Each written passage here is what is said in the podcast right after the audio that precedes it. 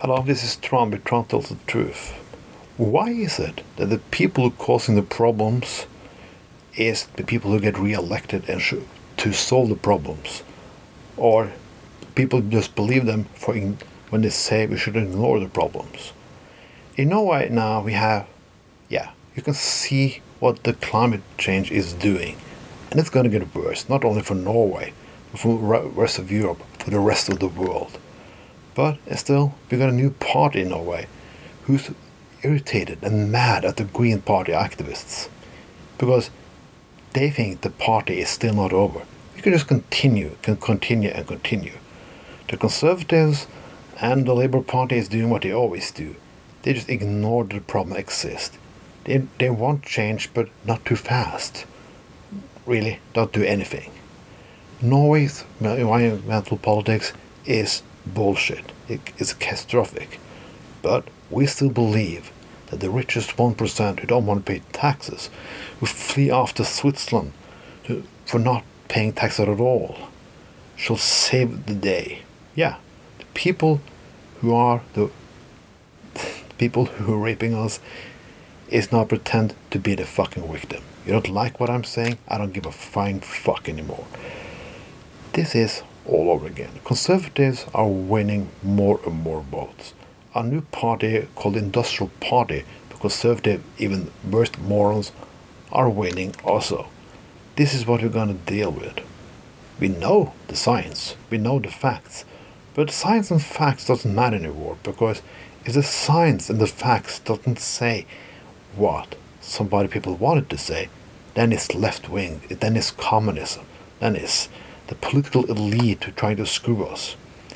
Yes, there are an elite trying to screw us. They are people making billions of dollars, not the deep state law, a secret plot among you people. It's always been bullshit, but people are fucking still buying into it. Big time. Well, you thought that stupidity was only for the United States. No, it's not. It's also for Italy. It's also for France sometimes also the Netherlands. like, well, in Britain, the Brexit was fucked up. It didn't solve anything. It makes it worse. But guess what? The Conservatives are still winning. Even when the Prime Minister is getting caught in bullshit, they are still winning. It's not about what should we do anymore. It's not about what we really wanted to be true at all. It's sometimes hard, but things you always believed in all your life suddenly isn't true anymore. You can have, say, like you have been in a relationship for many years and you discover, oh shit, it didn't work out. I, I didn't love her that much or she didn't love me or blah blah blah. But that's a fucking fact of life. You cannot pull away from it.